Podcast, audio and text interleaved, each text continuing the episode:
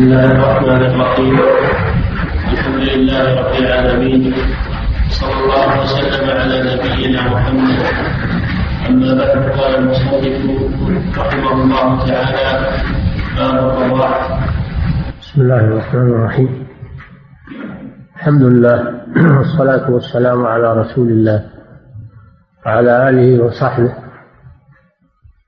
باب الرضاع الرضاع هو مص اللبن من الثدي أو ما في حكم المص من شربه أو نحو ذلك مما يوصله إلى الجوف ما يوصله إلى الجوف ويتغذى به المولود. قد خلق الله سبحانه وتعالى اللبن في الأنثى من أجل تغذية المولود بعد الولادة لأنه لا يستطيع أكل الطعام ولا يناسبه الطعام لرقة أمعائه و فجعل الله هذا اللبن يقوم مقام الغذاء إلى أن يقوى المولود ويستطيع أكل الطعام. هذا من حكمة الله سبحانه وتعالى. والرضاع يكون من الأم وهذا هو الأصل وهذا هو الأفضل ويكون من غيرها من غير الأم. بعذر من الأعذار. فإذا كان من غير الأم صار له أحكام تتعلق به. قد بينها القرآن وبينتها السنة وشرحها أهل العلم في كتب الفقه وشروح الحديث تفسير الآيات. الرضاع ثابت يعني أحكام الرضاع ثابتة بالكتاب والسنة وإجماع أهل العلم. أما الكتاب قوله تعالى وأمهاتكم اللاتي أرضعنكم وأخواتكم من الرضاعة لما ذكر المحرمات في النكاح ذكر من جملتهن الأمهات من الرضاع والأخوات من الرضاع. وأما السنة فأحاديث كثيرة منها أحاديث هذا الباب.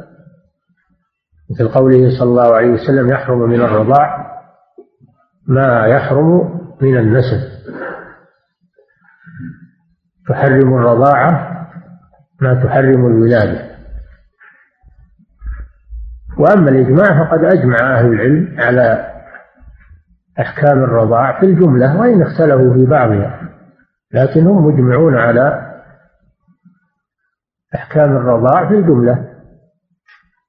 وهذا الباب باب مهم جدا. يحصل فيه اشتباهات. يحصل فيه أغلاط لمن لم يتقنه. ويدقق النظر في مسائله. فقد ترد أسئلة فيستعجل المسؤول ويفتي ويكون جوابه خطأ لأنه لم يتصور. المسألة أو أنه لم يتقن فقه الرضاع لم يتقن فقه الرضاع. هذا باب مهم جدا. يحصل به فيه إغلاق. يحصل فيها أخطاء. لا بد من إتقانه معرفة أحكامه وأدلته. ثم لا بد أيضا من التدقيق في السؤال وتطبيقه على أحكام الرضاع وأن لا يستعجل الإنسان بالإجابة لئلا يقع خلط وخطأ ويترتب عليه تحليل حرام أو تحريم حلال. فهو باب مهم جدا. نعم. عائشة رضي الله عنها قالت قال رسول الله صلى الله عليه وسلم لا تحرم الوصة والوصتان أخرجه مسلم. أصل الرضاع في القرآن. قال الله تعالى وأمهاتكم اللاتي أرضعنكم وأخواتكم من الرضاعة ولكن الآيات مجملة الآية مجملة. جاءت الأحاديث عن النبي صلى الله عليه وسلم ففصلت. فصلت ووضعت شروطا للرضاعة المحرمة وحدودا لا بد من مراعاتها وإلا فالآية مطلقة ومجملة لكن بينتها السنة فصلتها وزادت أحكاما لم تكن في القرآن. القرآن فيه تحريم الأم من الرضاعة والأخت من الرضاعة. ولم تبين بقية الخالة من الرضاعة والعمة من الرضاعة وال والبنت من الرضاعة إلى آخره. ما بينت الآية إنما جاءت بنموذجين فقط الأمومة والأخوة. السنة جاءت بزيادة أوحاها الله جل وعلا إلى رسوله صلى الله عليه وسلم بينها للناس. ومن ذلك هذه الأحاديث التي في الباب. قوله صلى الله عليه وسلم لا تحرم المصة ولا المصتان وفي رواية لا تحرم الإملاجة ولا الإملاجتان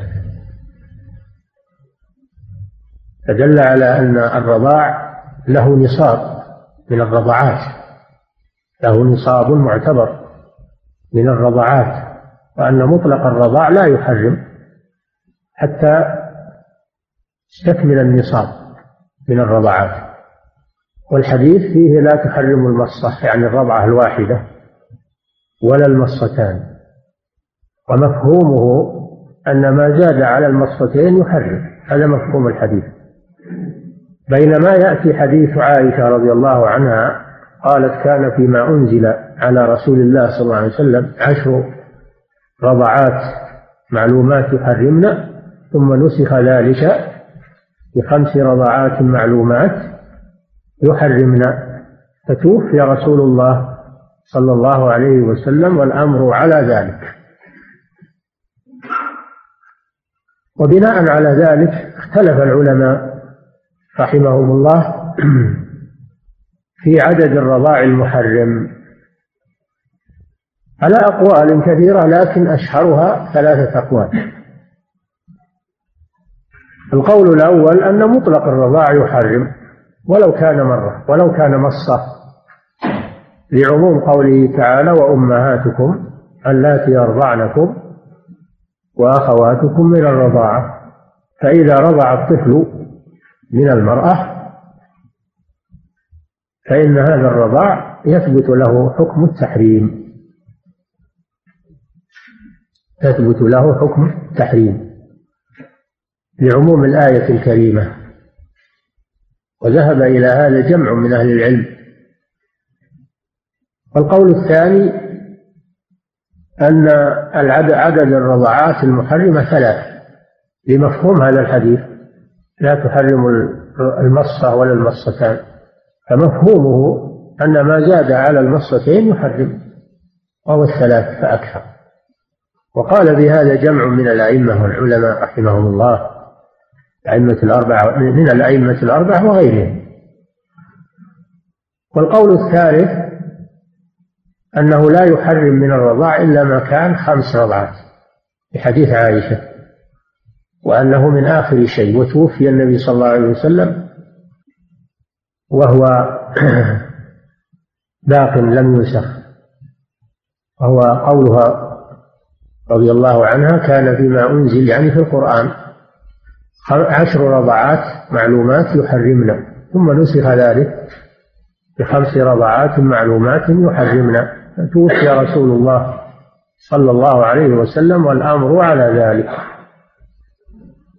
هذا دليل واضح والحديث صحيح. هذا دليل واضح على أن النصاب المحرم هو خمس رضعات وما كان دون الخمس فإنه لا يحرم. وهذا هو المعتمد عند كثير من أهل العلم وعليه الفتوى في هذه البلاد أن النصاب خمس رضعات معلومات يحرمن وأما مطلق القرآن فقد بينته السنة. الذين أهل القول الأول استدلوا بمطلق القرآن. المطلق يحمل على المقيد. مطلق القرآن بينته السنة ومجمل القرآن بينته السنة. وأما أهل القول الثاني استدلوا بقول لا مفهوم قوله لا تحرم المصة والمصتان هذه دلالة مفهوم.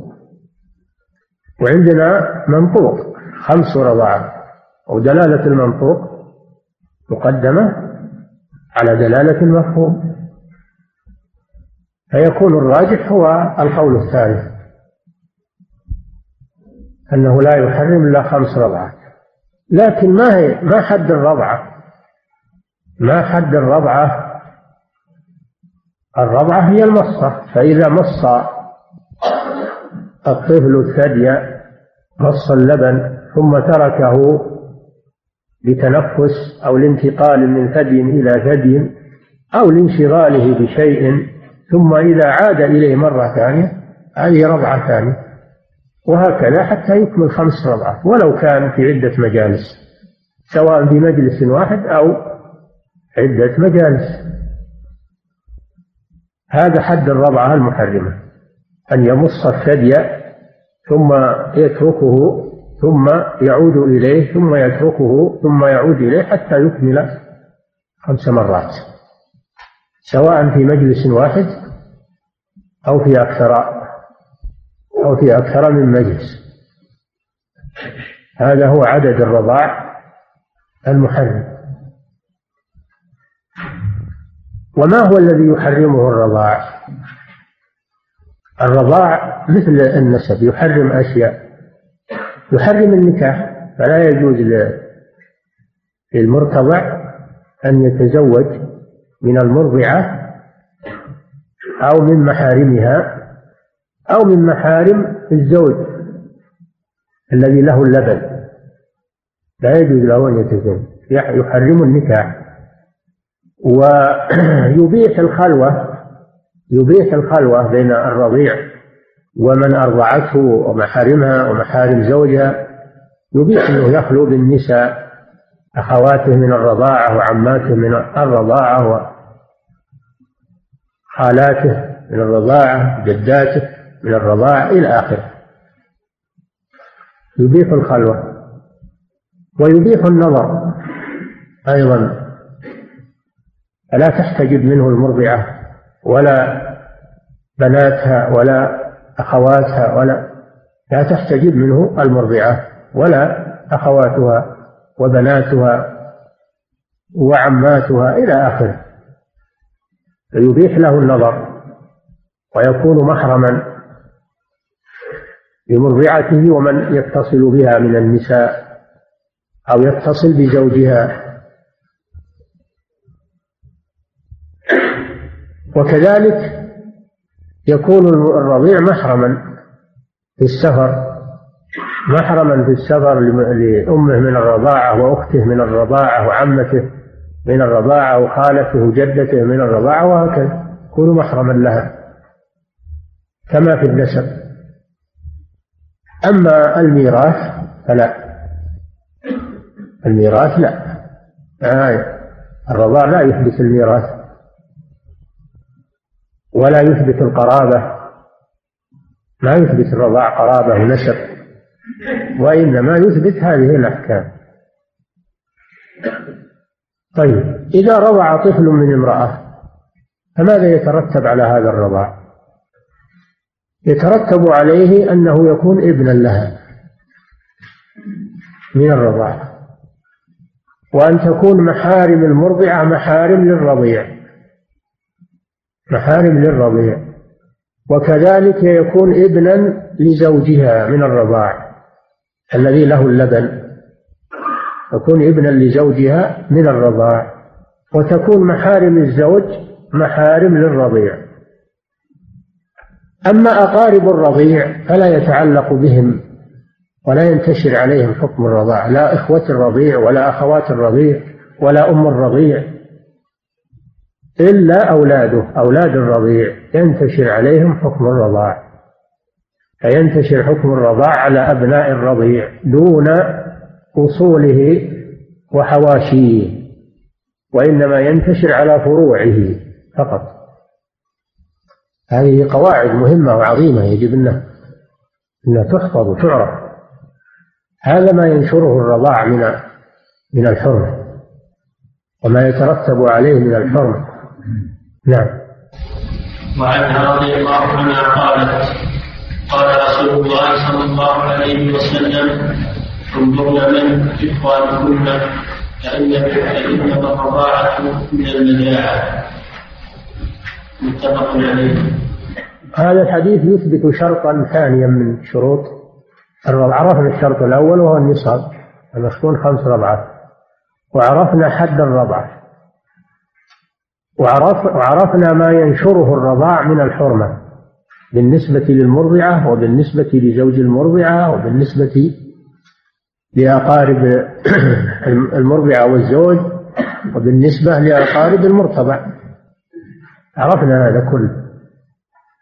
الشرط الثاني يشترط في الرضاعة أن يكون في الحولين يكون في المجاعة يعني في وقت لا يتناول الطفل فيه الطعام وإنما يتغذى باللبن من المجاعة مجاعة الأمعاء لأن لا يكون فيها شيء من الطعام إلا اللبن.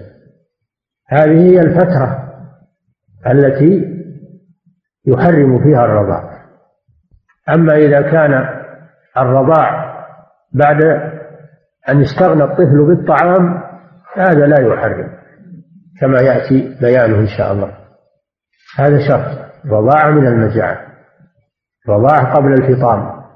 يأتي حديث لا يحرم من الرضاع من الرضاع إلا ما فتق الأمعاء وكان قبل الفطام.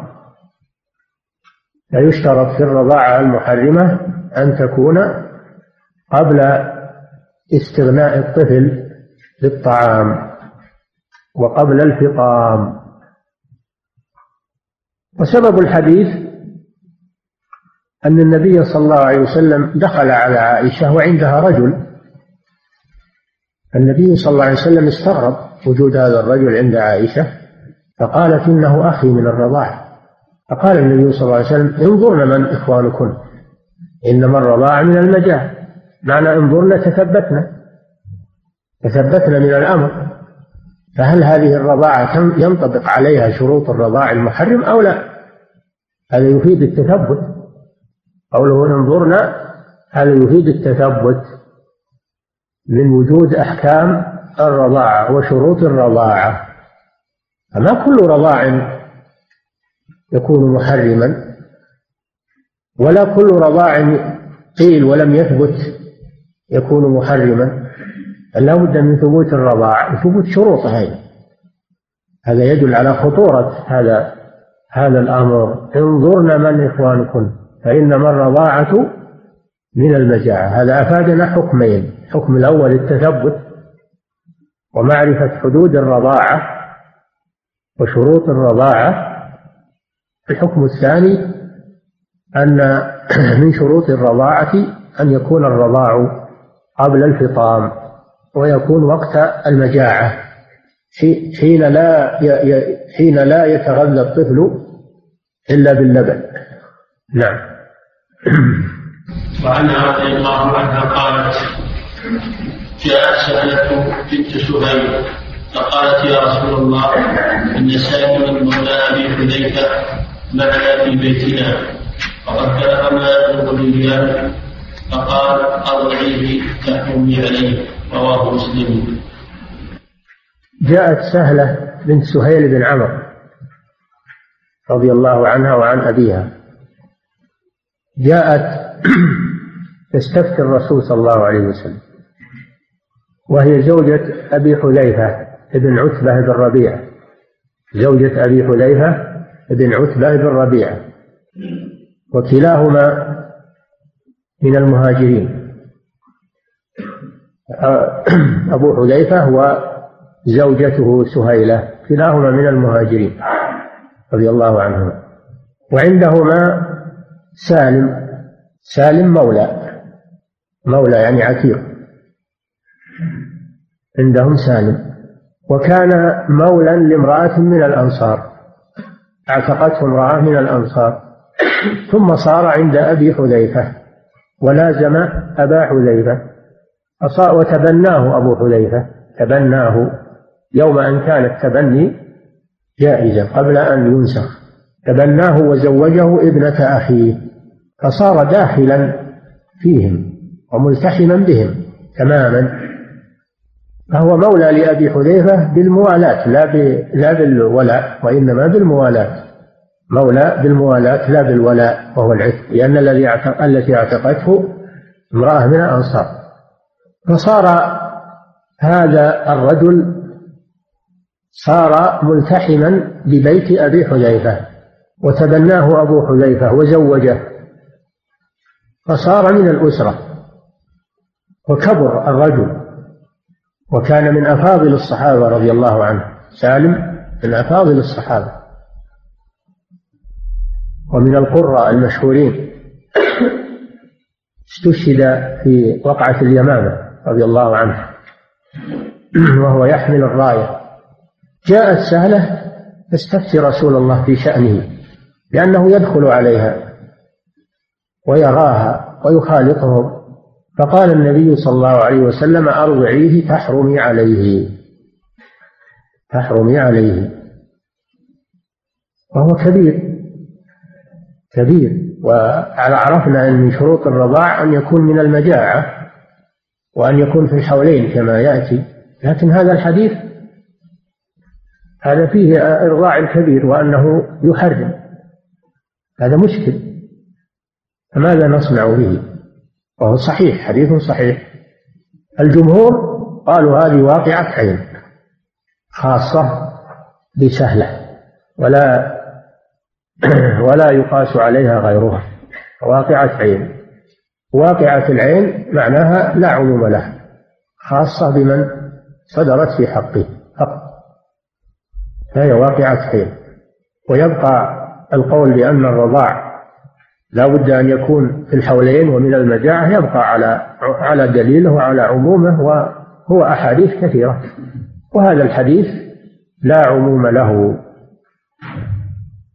وإنما هو واقعة عين خاصة بسهلة بنت سهيل فقط. هذا قول الجمهور. ولا يحرم رضاع الكبير. لأن الأدلة تدل على أن الرضاع إنما يكون من المجاعة ويكون في الحولين كما يأتي. هذا قول الجمهور. القول الثاني ذهب طائفة إلى أن هذا الحديث عام وليس واقعة عين وأنه كما جاز لسهيلة أن ترضع الكبير ويكون محرما لها فكذلك لغيرها أن يفعل ذلك. وممن قال بهذا القول عائشة أم المؤمنين وغيرها من من فضلاء الصحابة أخذا بهذا الحديث وأنهم يرون أنه رخصة لسهيلة ولغيرها. القول الثالث في المسألة اختيار شيخ الإسلام ابن تيمية أنه عند الضرورة عند الضرورة إلى ذلك يلجأ إلى هذه الرخصة. أما عند غير الضرورة فلا. هذه حالة خاصة عند الضرورة فقط. إذا من كانت حالته مثل حالة سهيلة الضرورة فلا بأس أن ترضعه. هذا اختيار الشيخ تقي الدين بن تيمية. ولكن الراجح هو القول الأول لعموم الأحاديث وكثرتها أنها تحدد الرضاعة في المجاعة وفي وقت الحولين. فيبقى هذا الحديث لا عموم له. ويبقى هذا الحديث لا عموم له. يبقى واقعة من واقعات الأعيان. نعم. وعنها رضي الله عنها أن أن أبي أخا أبي قعيس أعد الحديث. وعن عائشة رضي الله عنها قالت جاء سهلة بنت سهيل نعم. فقالت يا رسول الله. إن سالما مولى أبي حذيفة معنا في بيتنا. وقد بلغ ما يبلغ الرجال فقال أرضعيه تحومي عليه. رواه مسلم. نعم. هذا موقف العلماء من هذا الحديث. نعم. وأن أن أخا أبي قعيس جاء يستأذن عليه بعد الحجاب قالت فأبيت أن آذن له فلما جاء رسول الله صلى الله عليه وسلم أخبرته بالذي صنعت فأمرني أن آذن له فقال إنه عمك متفق عليه. نعم. هذا حديث عائشة رضي الله عنها أن أفلح أخا أبي القعيس جاء يستأذن عليها لأنه عمها من الرضاعة فأبت أن تأذن له حتى تستفتي رسول الله صلى الله عليه وسلم. هذا من التثبت والاحتياط. فقال صلى الله عليه وسلم إنه عمك من الرضاعة. ذلك لأن عائشة رضي الله عنها كانت قد رضعت من زوجة أبي القعيس. فصار أبو القعيس أبا لها من الرضاع وهذا أخوها أفلح. فيكون عمها من الرضاع. فيجوز له أن يدخل عليها. دل هذا الحديث على مسألتين. المسألة الأولى أن حكم الرضاع يشمل الزوج وأقارب الزوج وهو ما قلناه لكم في القاعدة. إن الرضاع ينتشر على المرضعة ومحارمها وينتشر على الزوج ومحارمه وأقاربه. هذا دليل لهذه المسألة وهو ما يسمونه بمسألة لبن الفحل. لبن الفحل وهو أن اللبن يكون للفحل كما يكون لزوجته لأن اللبن متكون من الاثنين. اللبن متكون من الاثنين من من وطئ الرجل ومن جر المرأة. فيكون اللبن من الزوج والزوجة. لأن الوطئ يؤثر في اللبن ويزيده. فالرضاع يشمل الزوج ويشمل أقارب الزوج. يكونون هذه المسألة الثانية. المسألة الثانية أن أقارب الزوج وهو الفحل يكونون محارم للمرتضى فإن أخا أبي القعيس أفلح صار عما لعائشة من الرضاعة فدل على أن محارم الزوج على أن أحارم زوج المرضعة يشملهم حكم الرضاعة فيكونون محارم للمرتضى فيكون أفلح محرما لعائشة لأنه عمها من الرضاع وأخو أبيها من الرضاع هذه مسألة مهمة جدا. نعم. وعنها رضي الله عنها قالت كان فيما أنزل من القرآن عشر وضعات معلومات محرم ثم رزقنا بخمس معلومات. فتوفي رسول الله صلى الله عليه وسلم وهي فيما يقرأ من القرآن رواه مسلم. هذا الحديث في بيان عدد الرضعات المحرمة نصاب الرضاع. قالت كان فيما أنزل. يعني القرآن عشر رضعات معلومات يحرمن. فنسخ ذلك بخمس رضعات معلومات يحرمن. وتوفي رسول الله صلى الله عليه وسلم والأمر على ذلك. رواه مسلم. كان النصاب في الأول نصاب الرضاع عشر. عشر رضعات ثم نسخ ذلك والنسخ إزالة الحكم الشرعي الثابت بدليل بدليل آخر متراخٍ عنه. والنسخ جائز في الشرع بل جائز في الشرائع السماوية لأن الله سبحانه وتعالى ينسخ ما يشاء لمصالح العباد. النسخ لمصالح العباد فيشرع حكما لمدة لأن حاجة الناس تدعو إليه ثم ينسخه بحكم آخر لأن حاجتهم تدعو إليه تتغير الأحوال. والله جل وعلا يشرع للناس ما يصلحهم وما يناسبهم في كل وقت. فهو سبحانه وتعالى يفعل ما يشاء ويشرع ما يشاء. ويعلم مصالح عباده النسخ واقع في القرآن كما أنه واقع في الشرائع السابقة. وإنما أنكره اليهود من أجل أن ينكروا رسالة محمد صلى الله عليه وسلم التي نسخت ما قبلها من الشرائع. أنكروا النسخ ليتوصلوا به إلى إبطال رسالة النبي محمد صلى الله عليه وسلم بل إبطال رسالة المسيح. لأن المسيح قال ولأحل لكم بعض الذي حرم عليكم. هذا نسخ. كل الطعام كان حلا لإسرائيل إلا ما حرم إسرائيل على نفسه من قبل أن تنزل التوراة. هذا دليل على النسخ. النسخ ثابت إذن في الشرائع السماوية وله حكمة عظيمة مصالح العباد والتدرج بالعباد.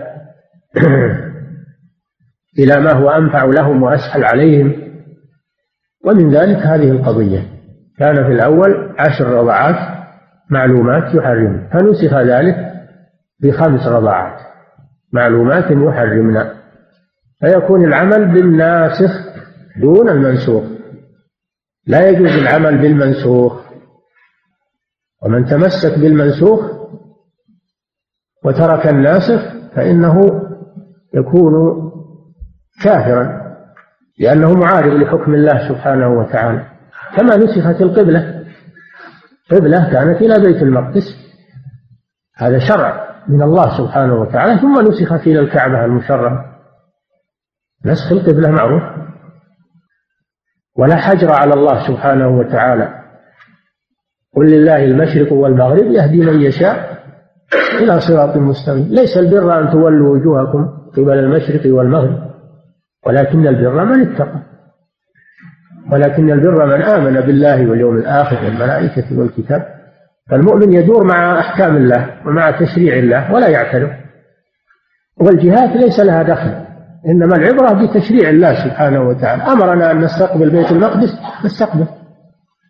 أمرنا أن نستقبل الكعبة نستقبل الكعبة. وليس لنا اعتراض على الله سبحانه وتعالى. فالنسخ أمره عظيم ولا ينكره إلا ضال وأجمع المسلمون عليه ما عدا أبا مسلم الأصفهاني فإنه لا يرى النسخ لكن هذا شاذ هذا رأي شاذ إجماع المسلمين على وقوع النسخ. وقولها وقولها هذا هذا يعني أن هذا فيما أنزل العشر والخمس فيما أنزل ثم نسخ. أما العشر فنسخت لفظا وحكما. نسخت لفظا وحكما. وأما الخمس فنسخت لفظا وبقيت حكما. فهي لا تتلى في القرآن ولم تكتب في المصحف لأنها نسخ لفظها لكن بقي حكمها. لأن النسخ على ثلاثة أقسام. القسم الأول أن ينسخ اللفظ والحكم. كما في العشر عشر الرضعات القسم الثاني أن ينسخ اللفظ ويبقى الحكم كما في الخمس الرضعات. وكما في قوله تعالى والشيخ والشيخة فارجموهما البتة نكالا من الله. الله عليم حكيم. هذه نسخ لفظها كانت في سورة الأحزاب ثم نسخ لفظها وبقي حكمها. القسم الثالث العكس أن ينسخ الحكم ويبقى اللفظ يتلى. وذلك مثل قوله تعالى والذين يتوفون منكم ويذرون أزواجا وصية لأزواجهم متاعا إلى الحول. كانت عدة المتوفى عنها في الأول سنة. ثم نسخ ذلك بأربعة أشهر وعشرة أيام في الآية التي قبلها والذين يتوفون منكم ويذرون أزواجا يتربصن بأنفسهن أربعة أشهر وعشرة. فنسخ الآية الأخيرة نسخ حكمها وبقي وبقي لفظها يتلى في القرآن. دل هذا الحديث وأما قولها توفي رسول الله صلى الله عليه وسلم والأمر على ذلك يعني وهن فيما يتلى. هذا لأنهم لم يبلغهم نسخ فكانوا يتلونها بقاء على الأصل. فلما بلغهم النسخ حذفوها من المصحف. وصارت لا تتلى. لما بلغهم النسخ حذفوها وصارت لا تتلى ولكن حكمها باق وهو الخمس. نعم. وعن ابن عباس رضي الله عنهما أن النبي صلى الله عليه وسلم أريد على بنت حمزة فقال إنها لا تحل لي إنها ابنه أخي من الرضاعة. ويحكم من الرضاعه ما يحكم من النسب. متفق عليه. نعم. هذا الحديث فيه أن النبي صلى الله عليه وسلم أريد يعني أشير عليه أشير عليه وعرض عليه أن يتزوج ابنة عمه ابنة حمزة بن عبد المطلب سيد الشهداء رضي الله عنه. فقال صلى الله عليه وسلم إنها لا تحل لي إنها ابنة أخي من الرضاع. لأن حمزة بن عبد المطلب عم الرسول صلى الله عليه وسلم كان أخله من الرضاع. لأنه رضع هو وحمزة من ثويبة جارية أبي لهب جارية عمه أبي لهب. رضع منها حمزة ورضع منها النبي صلى الله عليه وسلم. فصار أخوين من الرضاعة هو عمه من النسب وأخوه من الرضاعة. وما دام أنه أخوه من الرضاعة فإنه يكون عما إيه؟ عما لابنته من الرضاعة. عما لابنته من الرضاعة. مثل حديث أفلح بن أبي القعيس. صار عما لعائشة من الرضاعة. الرسول صلى الله عليه وسلم صار عما لابنة حمزة من من الرضاعة. هذا فيه دليل على أن الرضاع ينتشر على على على على الفروع. على الفروع. لأن حم... لأن ابنة حمزة فرع لحمزة وحمزة أخ للرسول صلى الله عليه وسلم. فيكون عما لها من الرضاعة. هذه فائدة. الفائدة الثانية وإنما يحرم من الرضاع ما يحرم من النسب. هذه قاعدة عظيمة في الرضاع. أن كل ما يحرم بالنسب يحرم بالرضاع. فأختك من النسب تحرم نظيرتها من الرضاع. بنتك من النسب تحرم نظيرتها من الرضاع. عمتك من النسب تحرم رضيع نظيرتها من الرضاع وهكذا. هذه قاعدة عظيمة يحرم من الرضاع ما يحرم. فكل ما يحرم عليك بالنسب يحرم عليك مقابله في الرضاعة ابنة أخيك من النسب تحرم عليك لأنك عمها من النسب. كذلك ابنة أخيك من الرضاعة تحرم عليك لأنك عمها من الرضاعة وهكذا. هذه قاعدة عظيمة من كلام الرسول صلى الله عليه وسلم في الرضاعة نعم.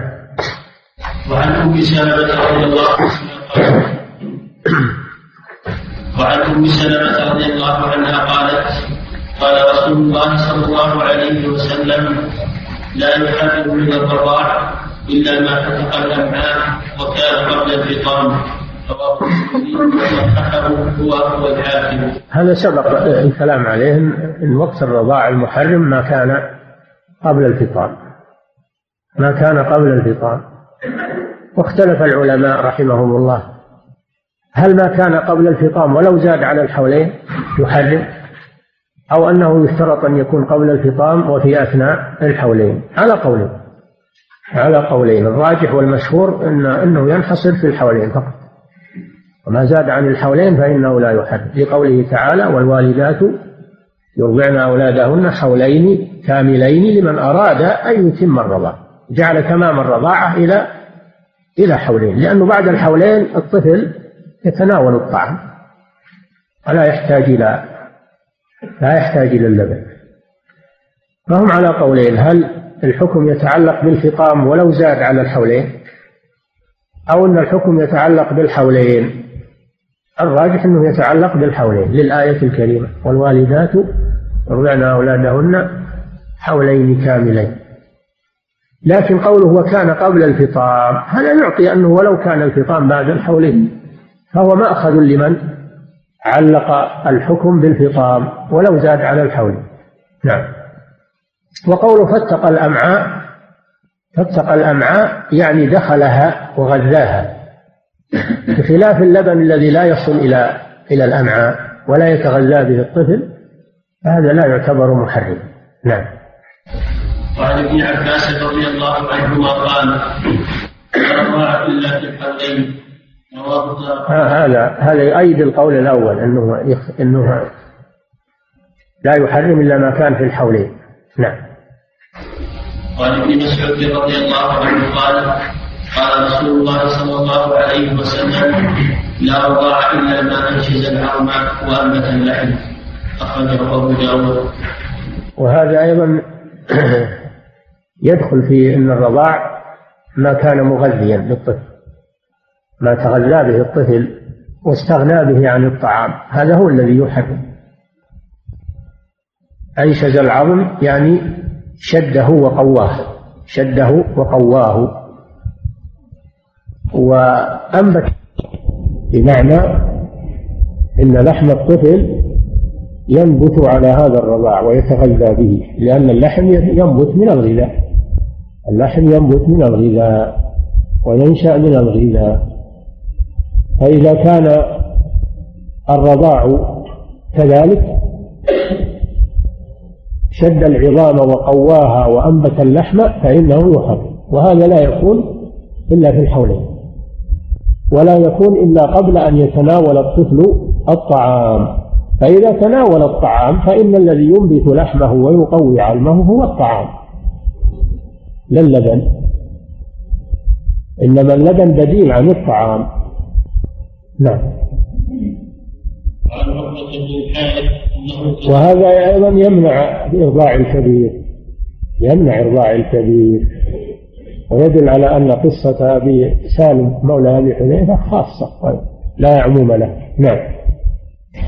عقبة بن الحارث أنه تزوج أم يحيى من تابعيها فجاءت امرأة فقالت لقد أرضعتكما فسأل النبي صلى الله عليه وسلم فقال كيف وقتين فقال عقبة لا زوج غيره. أخرجه البخاري. هذا الحديث يدل على مسألتين المسألة الأولى ما يثبت به الرضاع. الرضاع لا بد يثبت. كيف يثبت؟ يثبت بالبينة. البينة شهادة. البينة هي الشهادة. كم نصاب الشهادة في الرضاع؟ امرأة واحدة. هذا الحديث يدل على أن النصاب نصاب الشهادة في الرضاع بامرأة واحدة أنها تكفي. لأن هذا الرجل جاء إلى النبي صلى الله عليه وسلم وقد تزوج امرأة هي أم يحيى بنت أبي إيهاب تزوجها ودخل بها. فجاءت امرأة أمة سوداء وقالت إني أرضعتكما. إني أرضعتكما يعني فتكونان أخوين من الرضاع. فجاء إلى النبي صلى الله عليه وسلم يسأله الرسول صلى الله عليه وسلم يقول له دعه. فكرر الرجل على الرسول يكرر الأسئلة. وكل مرة الرسول صلى الله عليه وسلم يأمره بفراقه. فدل المسألة وهذا هذه هي المسألة الثانية أنه إذا ثبت الرضاع بين الزوجين فلا بد من التفريق بينهما. إذا ثبت الرضاع عند القاضي إذا ثبت الرضاع عند الحاكم فإنه يفرق بين الزوجين. ويكون ما سبق معذورا معذورين فيه للجهالة لجهالة الرضاع. ما سبق من النكاح والجماع الذي حصل والأولاد. يكونان معذورين فيه ويلحق به الأولاد بشبهة العقد وللعذر بالجهل.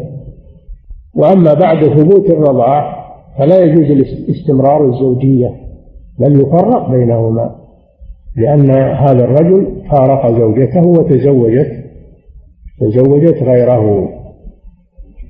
نعم.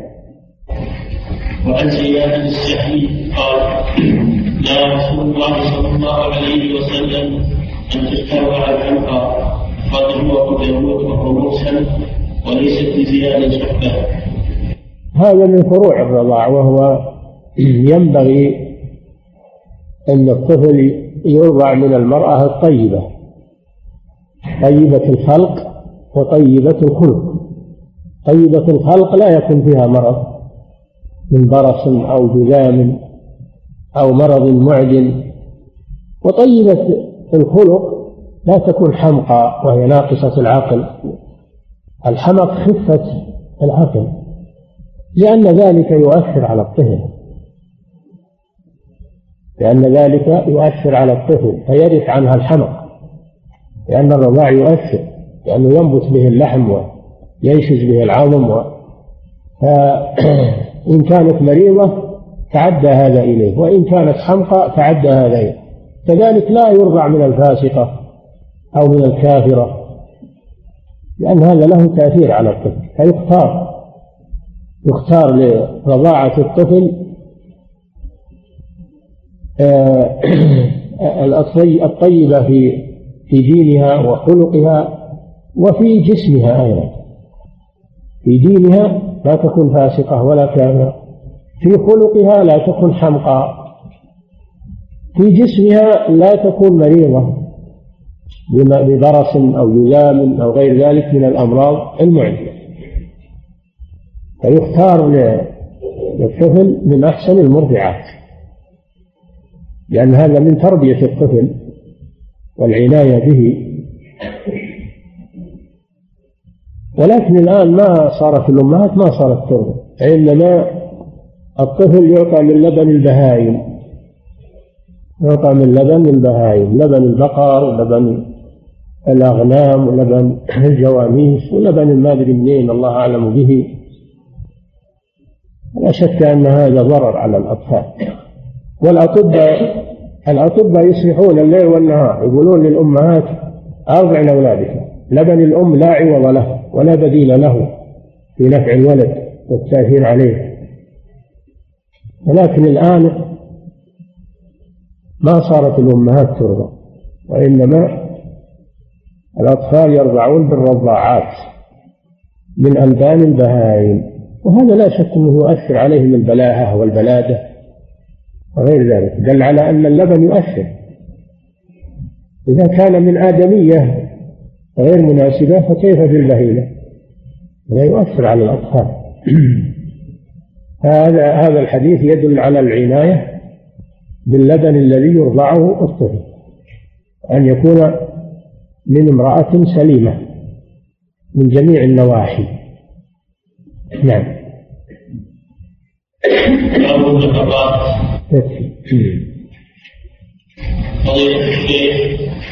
إذا كان هناك شك هل هما أخوات الرضاعة؟ إذا إذا كان هناك شك أم لا؟ ينظر إلى الشك خاصة؟ الفقهاء يقولون الشك لا يؤثر لابد من ثبوت الرضاع لابد من ثبوت الرضاع فإن شك في الرضاع أو في عدده فالأصل عدمه الأصل عدمه إذا شك في عدد في وجود الرضاع أو تيقن وجود الرضاع لكن شك في عدده المحرم فالأصل عدم التحريم. هذه آه هذا كلام الفقهاء ولكن من باب الاحتياط من باب الاحتياط فإنه إذا وجد الشك فالذي ينبغي الاحتياط ترك ترك المشتبه. قوله صلى الله عليه وسلم دع ما يريبك إلى ما لا يريبك. وقوله صلى الله عليه وسلم من اتقى الشبهات قد استبرأ لدينه وعرضه. هذا من باب الاحتياط والورع. أما التحريم فلا يثبت إلا بيقين. يقين الرضاع ويقين ويقين عدد الرضاع المحرم. خصوصا إذا كان الزواج قائما ووجد شك الأصل صحة العقد صحة النكاح ولا يلتفت إلى الشكوك.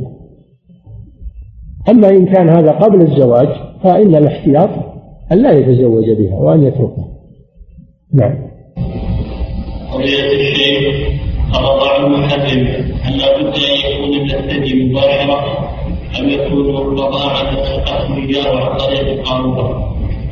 نعم يكون بالمص من الثدي ويكون بشرب سقي الطفل لو حلب في قارورة أو في إناء وسقيه الطفل وتحساه مرة بعد مرة يأخذ حكم الرضا.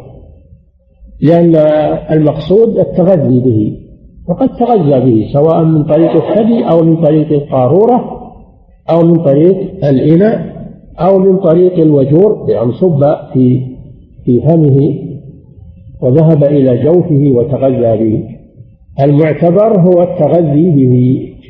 وأما كونه بالمص أو بالشقي أو بغير أو بالحقن أو غير ذلك فهذا لا لا, لا يؤثر. نعم.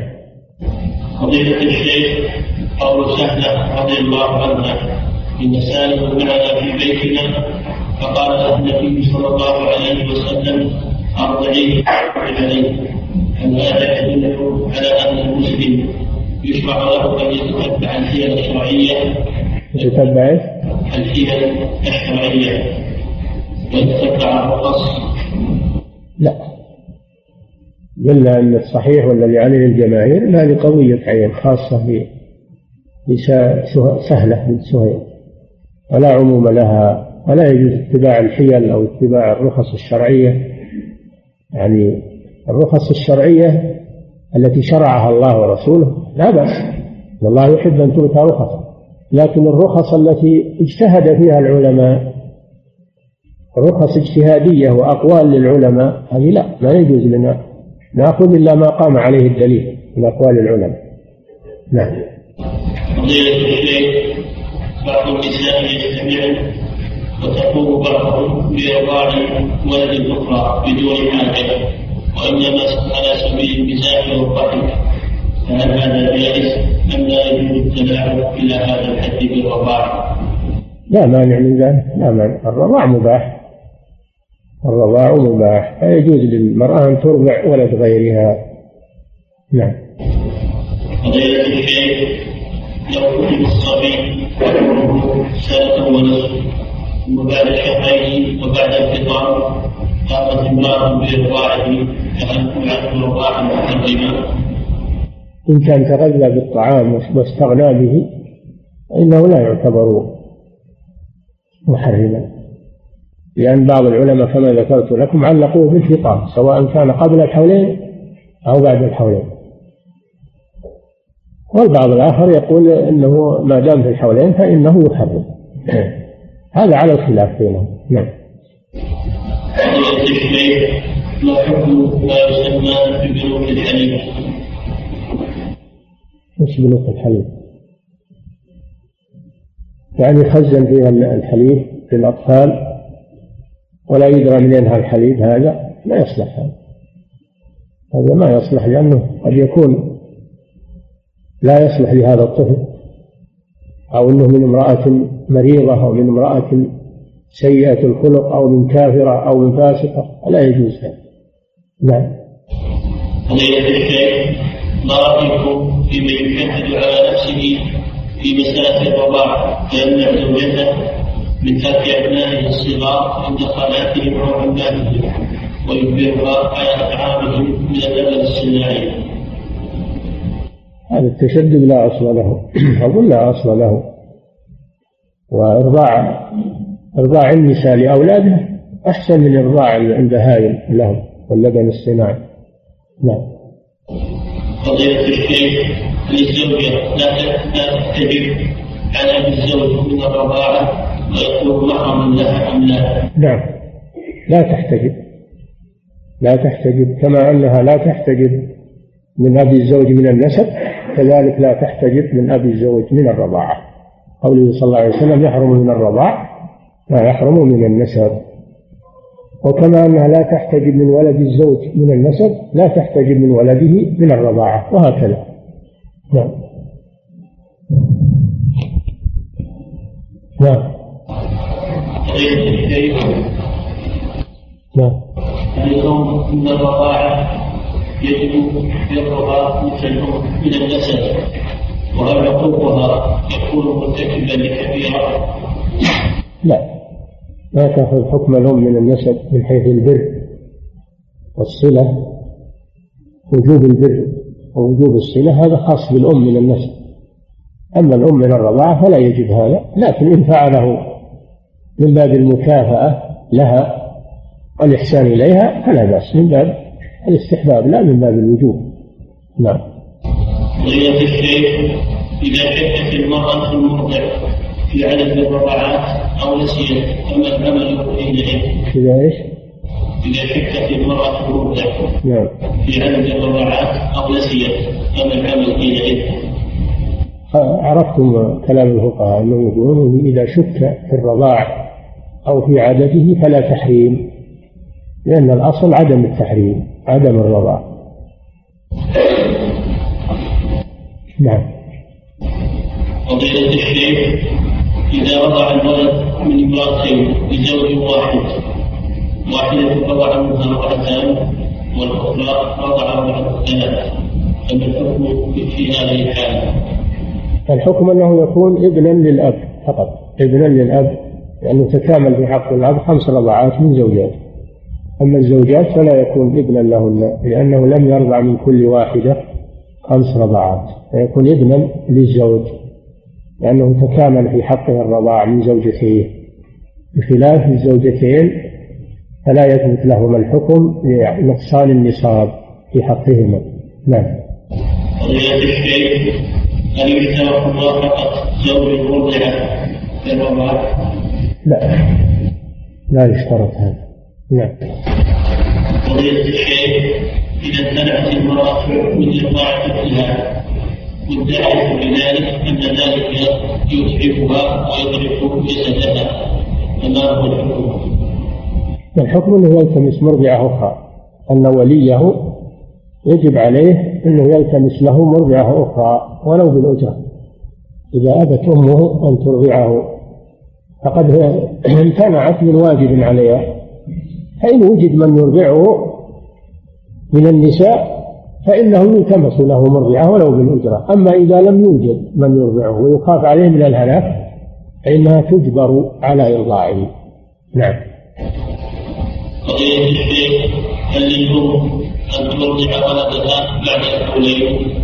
لا ليس لها أن ترضعه بعد الحولين إلا إذا كان ما يأكل الطعام. ويخشى عليه من الموت. إذا ما كان يأكل الطعام ويخشى عليه من الموت أو من الضعف والمرض فترضعه نعم. الشيخ اليوم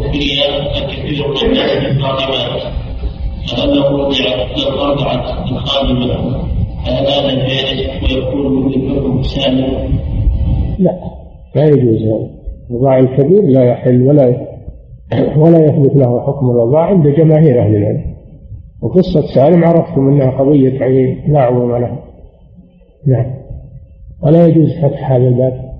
نعم. قضية الشيخ النبي صلى الله عليه وسلم. وضع من الإمام ومن هويبة فهل كانت على الحنفية هل كانت على الحنفية أم كانت من عباد الأسنان؟ حنيفية. الحنفية إن كانت من عباد الأسنان ولا يرد فيه اشتراط الإسلام في المرضعة؟ ما يقولون ما ثبت إسلام هويبة الله أعلم. أما حليمة فلا أدري. أظنها ما أدري ماتت قبل البعثة أو ما أدري ما أعرف عنها شيء. حليمة السعدية نعم.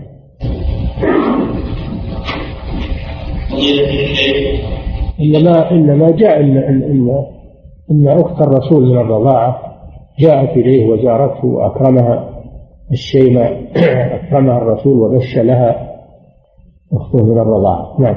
أما حليمة ما أعرف عنها شيء. تحتاج إلى مراجعة. نعم.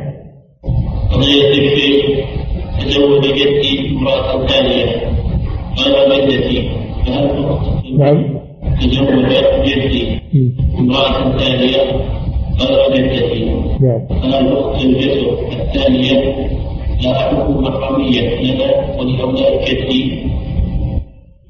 لا. أخت زوجة جدكم ليس لها لكم بها علاقة أجنبية منكم.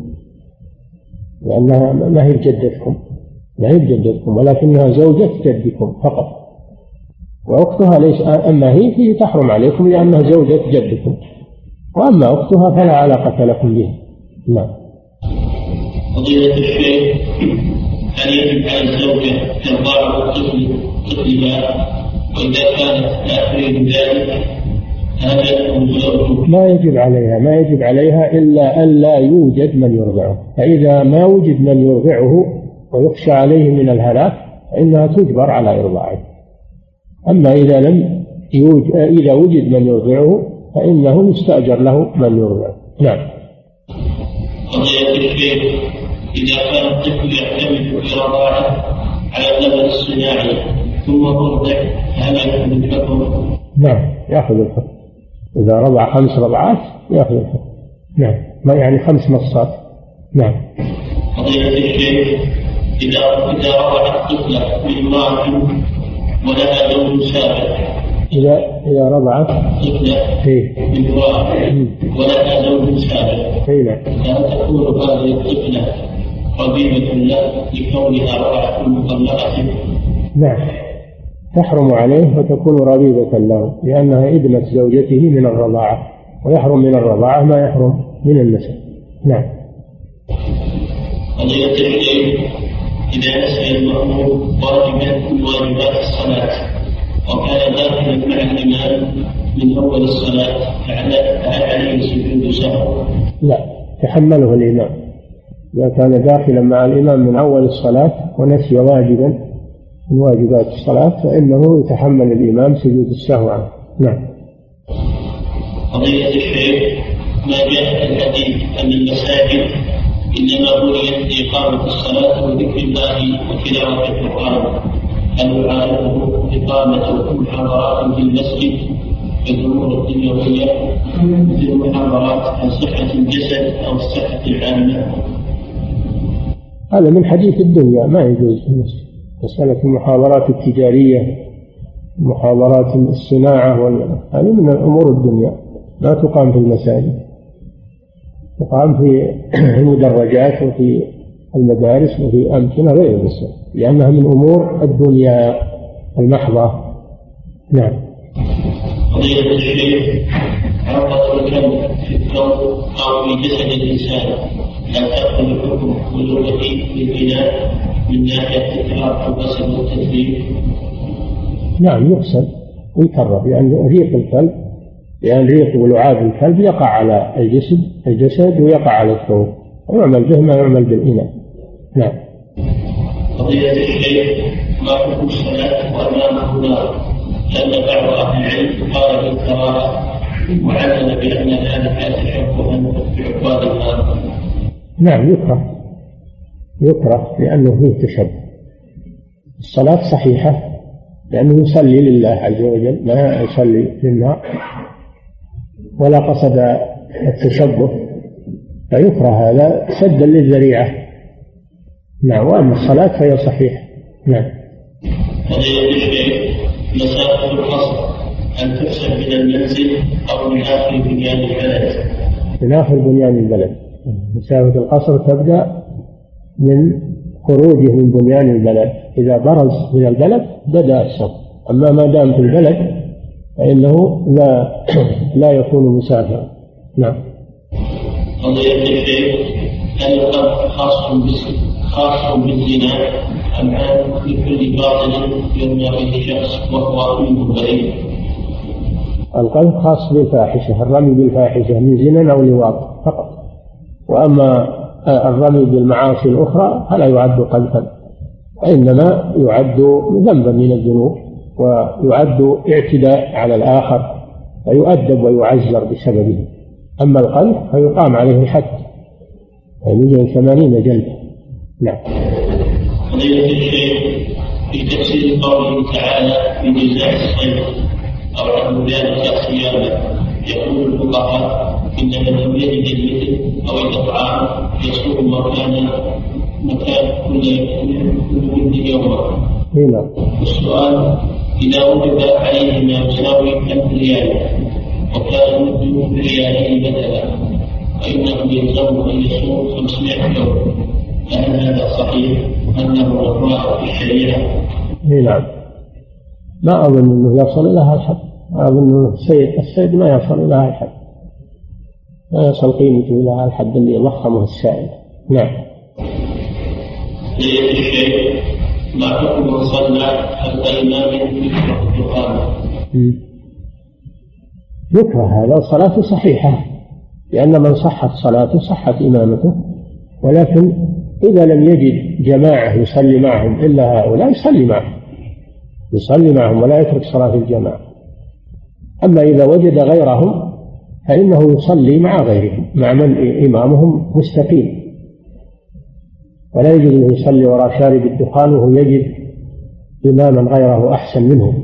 أما إذا لم يجد إلا هؤلاء ودار الأمر بين كونه يصلي منفرد ولا يصلي مع الجماعة يصلي مع الجماعة ولا يترك الجماعة.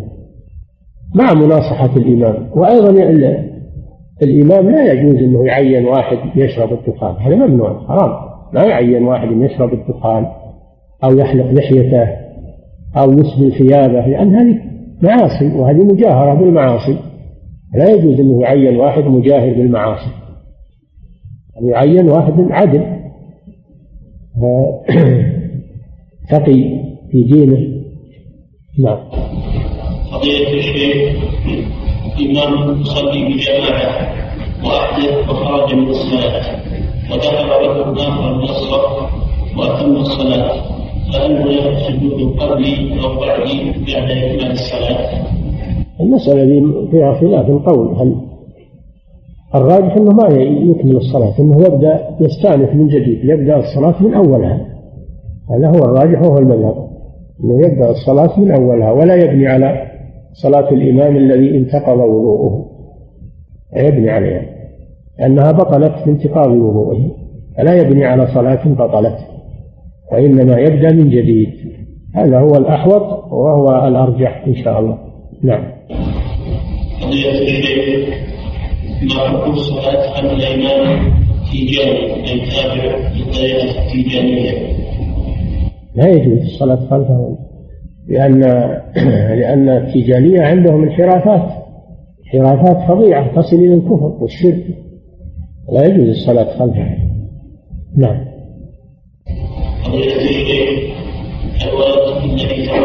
الزوج الملاعب لكي خاصة ينسب إلى أمه ينسب إلى أمه. نعم. الشيخ قبل أيام وهي حامل فكيف يرجع لها وهل بعقد جديد؟ ما نوعية الطلاق؟ كان الطلاق رجعي يرجع لها قبل أن تلد لأنها ما زالت في العدة. أما إن ولدت فإنه يرجع عليها بعقد جديد إذا كان الطلاق رجعيا. أما إن كان الطلاق مكملا للثلاث ليس له أن يتزوجها لا في العدة ولا بعدها حتى تنكح زوجا غيره. نعم. إذا تصدق على من فاتته العصر وصار إماما فهل يصلي ركعتين يصلي مع مع من فاتته الصلاة. يصلي أربع. مع من فاتته الصلاة. ومن فاتته الصلاة يصلي أربعة. نعم. الشيخ ما حكم إطالة النقاش والجدال مع البائع مع إيش؟ مع البائع. إيه؟ على تخفيض سلعة معينة. لأنه على كثير من النساء ذلك والنصيحة المماكسة وطلب التخفيض هذا جائز لكن إذا كان بين امرأة ورجل وحصل في هذا